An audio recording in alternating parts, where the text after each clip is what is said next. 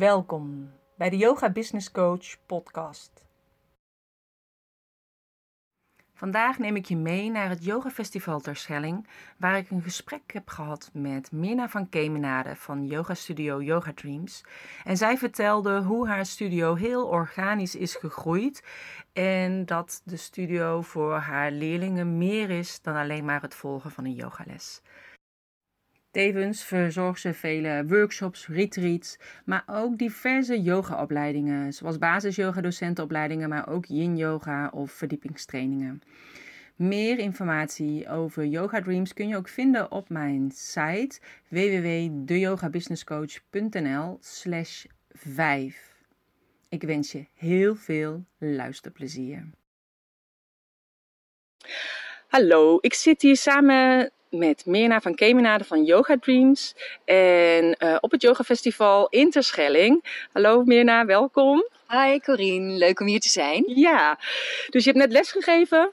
Ja, het was heerlijk. We hebben lekker buitenles kunnen doen, dus in het zonnetje.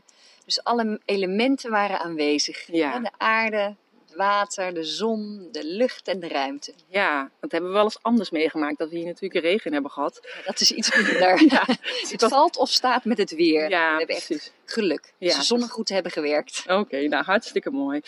En eh, ik zag dat jij eh, was genomineerd ook voor de Zaanse Zakenvrouw. En eh, ja, je had dit jaar gewonnen. En ik Ja. las in jouw Facebook-post al eerder dat je al eerder was genomineerd. Nou, ik was niet eerder genomineerd. Ik was gevraagd om mee te doen. Ja. En dan ga je door zo'n mallemolen heen, zeg maar, van zo'n vakjury. Maar dat was iets van vier of vijf jaar geleden. En daar had ik eigenlijk niks mee. Toen dacht ik, zakenvrouw, dat paste zo niet bij mijn yoga-studio. Ehm, en toen werd ik nu weer gevraagd. Toen dacht ik, nou, eigenlijk past het nu wel. Want ik ben nu zo'n elf jaar bezig met Yoga Dreams in Zaandam. En ehm, het team is helemaal uitgegroeid. Dus ik ben zelf begonnen. Mondjesmaat zijn daar mensen bijgekomen. Leraren, eh, managers, hosts. ehm, ja, dus het is nu zo'n team van 30 man bij elkaar. En ook net het pand gekocht. Ja. Dus ondertussen stiekem is het toch wel meer, eh, ja, meer zakenvrouw dan ik dacht. En, maar het voelt voor mij nog steeds hetzelfde. Dus ik doe Mhm. het echt vanuit mijn hart, vanuit mijn gevoel. En toen dacht ik, hè, toen ik werd gevraagd, denk ik, ja, eigenlijk wil ik dat ook wel verkondigen. En wil Ja. ik eigenlijk meer vrouwen met name stimuleren om vanuit hun hart te ondernemen.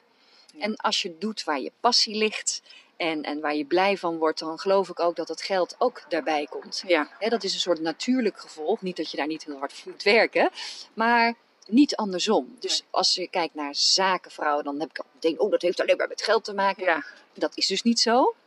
Dus ik geloof heel sterk in, nou ja, als je doet waar je blij van wordt, dat je daarvoor voor gaat. En de juiste mensen verzamelt, want dat is wel heel belangrijk. Mhm. In die elf jaar is het enorm gegroeid. Nou, je wil ook niet als yoga-juf zelf de, over de kop gaan en in een burn-out liggen. Dus, eh, dus delegeren is echt iets wat je moet leren. Ja. En in het begin eh, doe je alles nog zelf. En want je denkt dat je alles zelf het beste kan. Nou, niet dus. Nee. Dus het is heel fijn om, om veel mensen om je heen te hebben die veel beter zijn in, eh, in heel, heel veel van dat soort taken. En dat jij je weer kan richten op dat wat jij weer, eh, waar jij goed in bent. En Mhm. ja, in mijn geval is dat denk ik het verbinden van al die mensen bij Ja. elkaar. En, en nieuwe dingen weer starten. Ik vind het heel leuk om dingen te bouwen, Ja, nieuwe dingen te creëren. Dat is misschien ook wel inherent aan ondernemer zijn, maar dat, dat ligt me dus. Dat vind ik echt leuk om te doen. ja.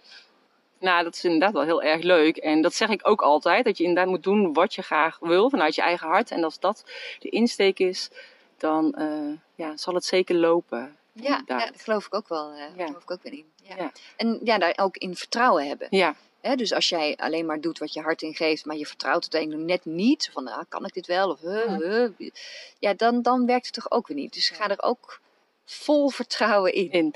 Ja, en uiteindelijk krijg je altijd die angsten en die stemmetjes en die overtuigingen van, ja, kan ik het wel? Wie zit er op mij te wachten? Er is altijd iemand die het beter kan. Maar als je de eerste ingeving hebt, oh, dit wil ik graag doen, dan krijg je vaak dat idee niet voor niks. Precies. Vind ik. En daarna komen al die stemmetjes. Dus Ja. eigenlijk moet je direct eigenlijk al beslissen van ja, ik ga Ik ervoor. ga ervoor, wat Ja. er ook op mijn pad. En het is soms ook eng.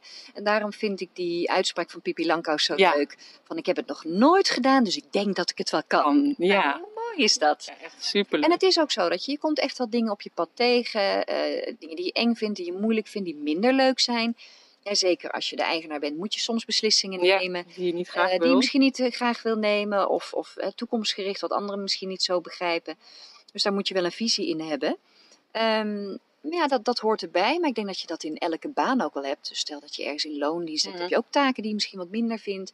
Of die spannend zijn. Of... Maar nou ja, laat je daar niet van weerhouden om, om de stap te nemen om te doen waar je echt blij van wordt. Dat zou ik echt iedereen aanraden. Ja, en ik vind bij jou is ook zo mooi dat je natuurlijk eerst één ruimte had en uiteindelijk Ja. meerdere en nu inderdaad het pand hebt gekocht. En je geeft natuurlijk niet alleen yogales voor te geven, maar ook de opleidingen. Hè? Dus je hebt de yin Ja. yoga opleiding. Yin yoga opleiding om docent te worden en de basis yoga docentopleiding, dat is dan weer gebaseerd op de Ashtanga Vinyasa methode. Dus we hebben echt de yang kant, dus de actieve kant, Ja. en we hebben de yin kant. Ja, En veel mensen is ook wel leuk, dat zie je nu ook. We zijn nu ook midden in de opleidingen en dan mensen, ja, maar ik ga door. Ja. hebben ze yin gedaan en willen ze yang of andersom. En, en daar geloof ik ook heel erg in. Ja. Hè? Ik, ik ben zelf ook een yang type als persoon. Mhm. Dus ik ben echt een doener. Dus ik heb die yin kant ook echt wel nodig. Als iedereen zegt van ja, maar jij bent altijd zen. Ja. denk ik, oh nee hoor. ik heb het zelf net zo hard nodig, Ja. die yoga technieken. Eh, maar binnen de school inderdaad, ehm we hebben zo'n 40 lessen op het rooster, van heel rustig tot heel actief. Mhm. Voor iedereen wat wils eigenlijk. En de workshops en de opleidingen, we hebben ook nog verdiepingstrainingen. Mhm. Dus voor rug, nek, schouder, voor flow, yoga nidra, eh, yin, een verdieping met self-healing. Dus er is eigenlijk voor iedereen wat wils om weer verder te ontwikkelen. Want de een die binnenkomt is net beginner en die doet gewoon één keer in de week les. Mhm. Maar we hebben ook al mensen die heel trouw zijn, al tien jaar. En die, die willen echt weer meer leren eh, dan, dan alleen maar de reguliere lessen. Ja, en dan is het natuurlijk wel heel fijn dat je een groot aanbod hebt. Ja, en dat is natuurlijk super dat ik in mijn pand kon groeien. Mhm. Dat is dan, ja, ik geloof dat dat, wel zo moest zijn, zeg Ja. maar. Dat er steeds meer ruimtes vrij kwamen. Het is een oud weeshuis. Ja. En eerst had ik alleen maar één etage met twee zalen, waar ik al super blij mee was. Ja. Want ik kwam uit één, één zaal. En dus ik dacht, nou, nu ben ik wel klaar.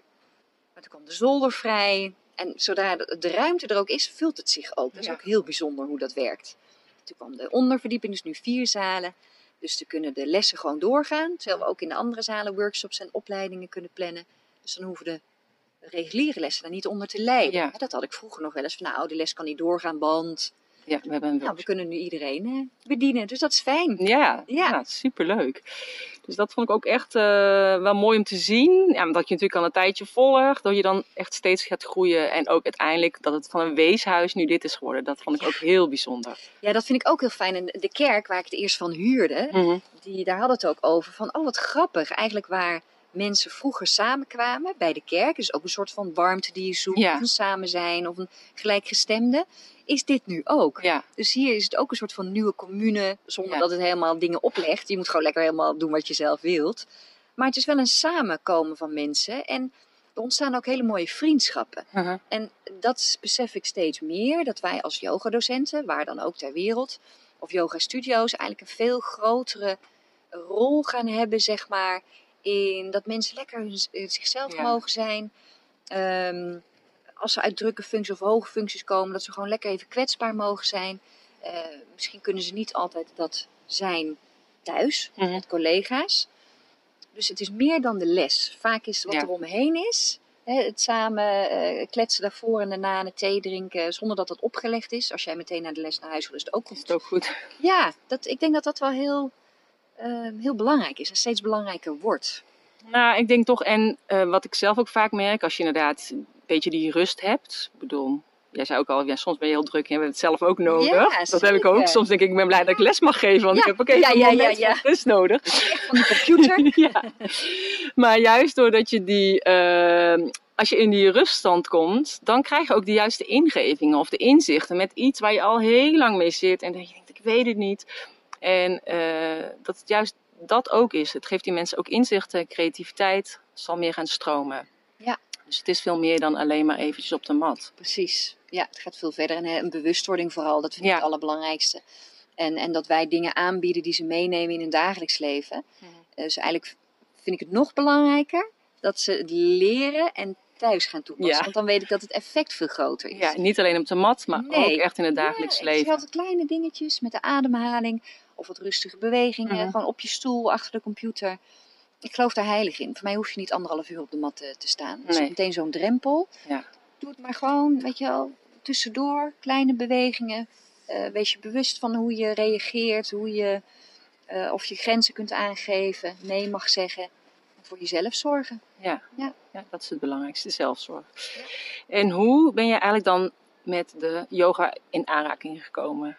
Ik was professioneel danseres. Ja. En ik zat tussen twee musicals in. Mhm. Dus ik had, was het zes weken vrij geloof ik? Ja.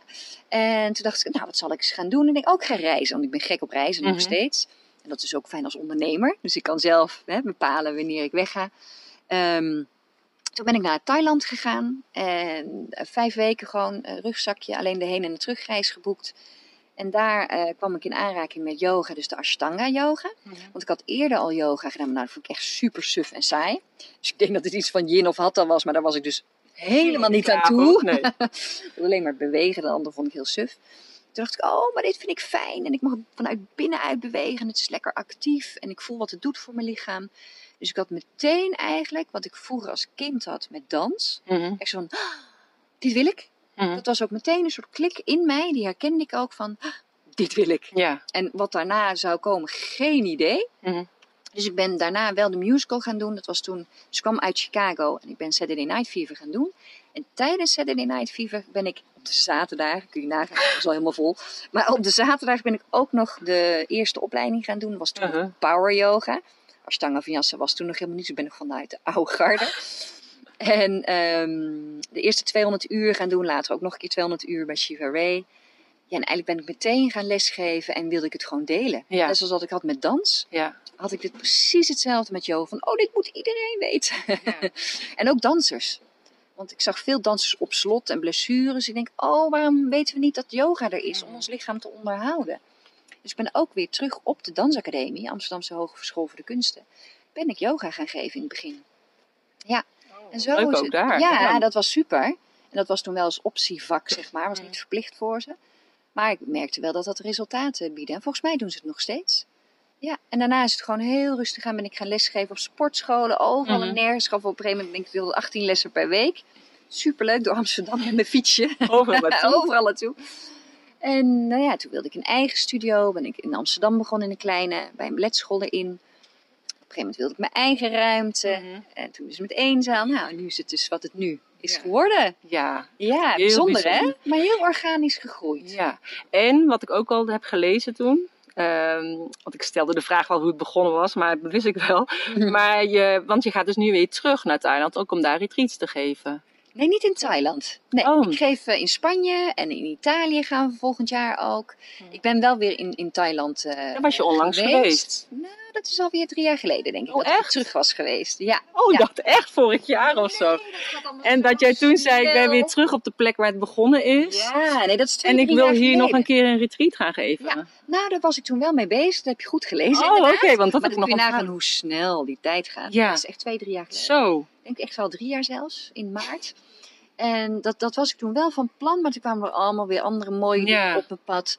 En toen dacht ik, ja, we hoeven eigenlijk helemaal niet zo ver. Nee, dat is ook zo. Nee, maar zeg nooit nooit bij mij, dus het kan alle kanten op. Dus wie weet eh, gaan we daar nog een keer naartoe. Oh, oké. Nou, wel heel grappig. Nee, ik dacht echt, u gaat daar nog een keertje terug. Maar ik zag dat ook inderdaad niet meer op jouw website. Nee, eh, daarna niet met een retweet, echt voor mezelf. Dat was een echte cirkel, was rond. Ja, Ja, dat dat, was weet ik nog. Dat vond ik zo mooi, dat Ja, je dat, zo een schreef. hele drukke, drukke periode met de studio, toen ik nog niet zoveel personeel had.